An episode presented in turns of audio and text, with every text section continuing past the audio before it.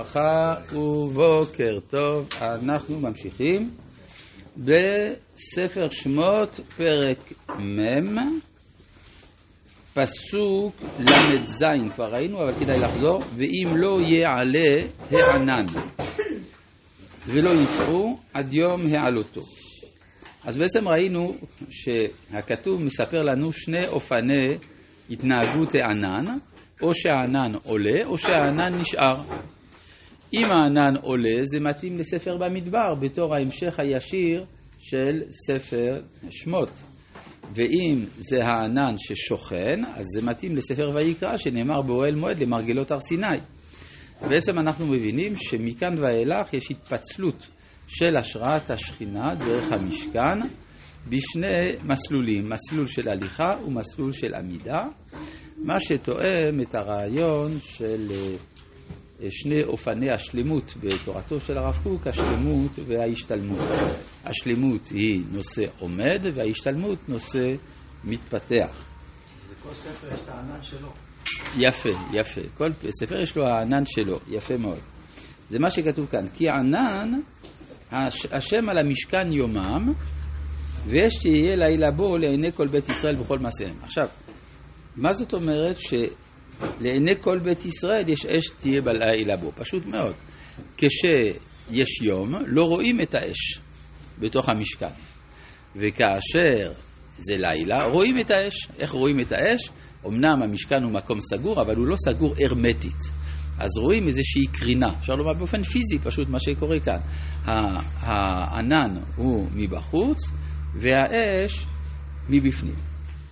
לכאורה, אם זה כך, יש, יש פה משהו מאוד uh, שמעורר שאלה. כי ענן השם על המשכן יומם ואש תהיה לילה בו לעיני כל בית ישראל. הביטוי הזה, אנחנו מכירים אותו ממקום אחר. איפה? לא, בסיום התורה. אשר עשה משה לעיני כל ישראל. אמנם פה כתוב כל בית ישראל, אבל לעיני כל ישראל, לכאורה זה הסיום, מה? כשאני את ספר דברים ועושים סיום אותיות, תמיד יש את הפסוק הזה. נכון, לעיני כל ישראל, זה בדיוק העניין. אז לכאורה, כאילו הכתוב רומז לנו, כאן היה צריך לסיים את התורה. היה צריך לסיים את התורה אלמלא שתי המילים הנוספות, בכל מסעיהם.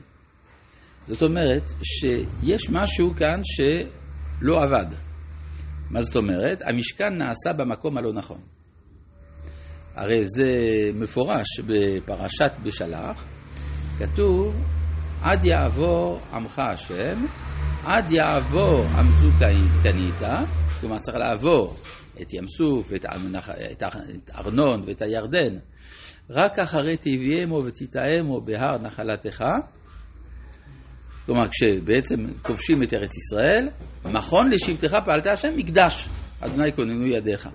כלומר, המקדש צריך להיות נקודת הסיום של כל הפרויקט.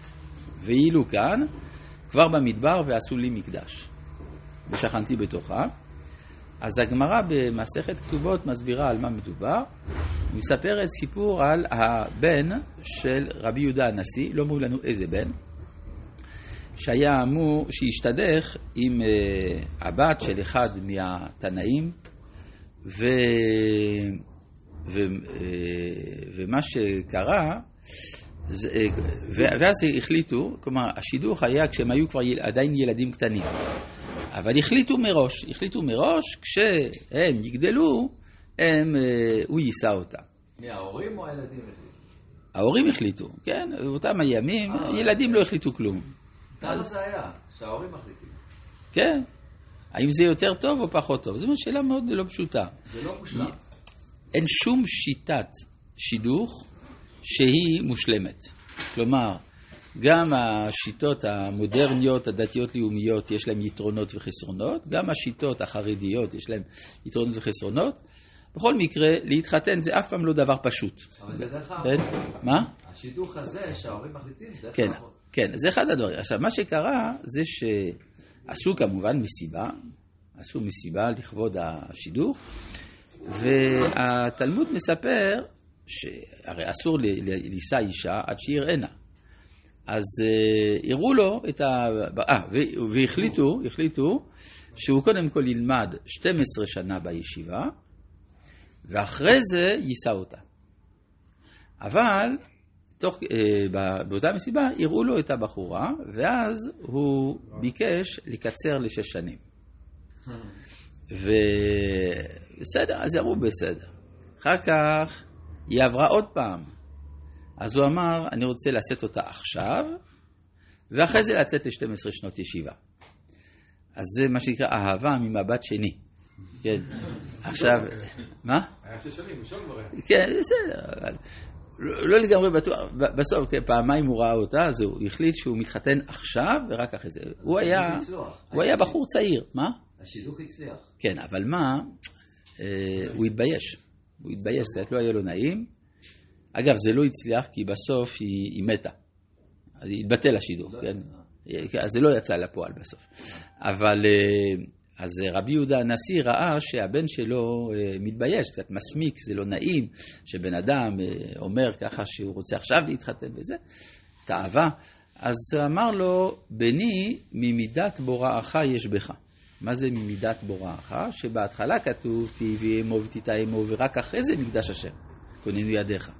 אבל בסוף הקדוש ברוך הוא כביכול לא יכול היה להתאפק, ורצה לממש את הנישואין כבר עכשיו, ואמר כבר במדבר, ועשו לי מקדש ושכנתי בתוכם. טוב, אז זה דבר יפה, ממידת בוראך יש בך, זה דבר חיובי וכולי. אבל בסופו של דבר יש מחיר מסוים. מה המחיר המסוים?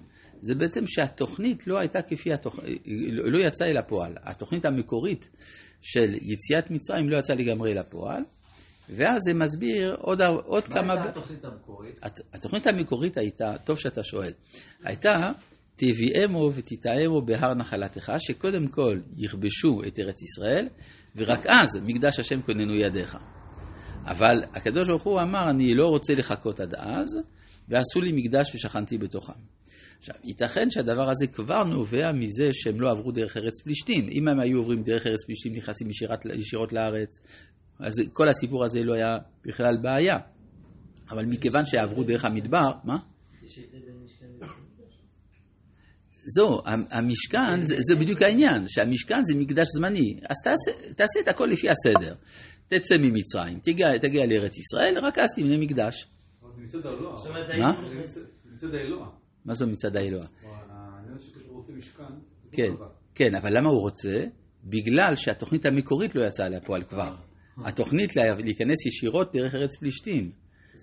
זה לא יצא אל הפועל.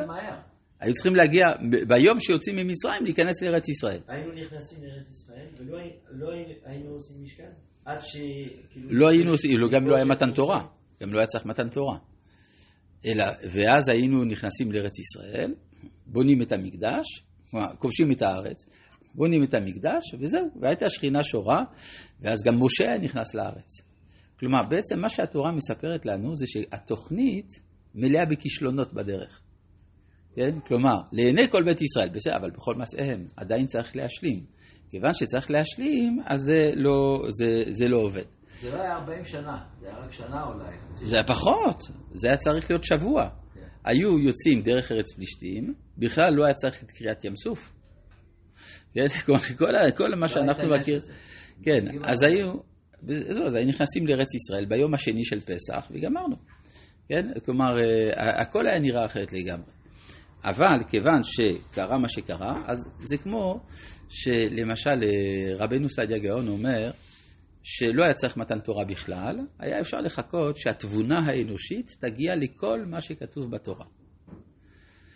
אבל זה היה לוקח הרבה זמן.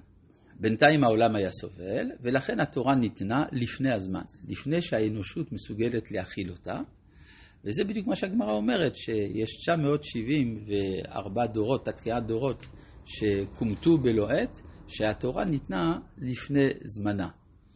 ואז זה אומר שהעולם יכול לעבוד גם דרך משהו לא מושלם. אבל זה לוקח אלפי שנים. וזה מה שכאן הכתוב אומר. כי ענן השם על המשכן יומם ויש תהיה לילה בו לעיני כל בית ישראל בכל מעשיהם. עכשיו, ספר שמות, שעכשיו אנחנו מסיימים, צריך לזכור דבר אחד, הוא בעצם העתקה של ספר בראשית, אבל משורש יותר עליון. כי מי שמסתתר דרך הבית של בראשית, בית מסתיר, אבל מתגלה אחר כך באנוכי השם אלוהיך בספר שמות.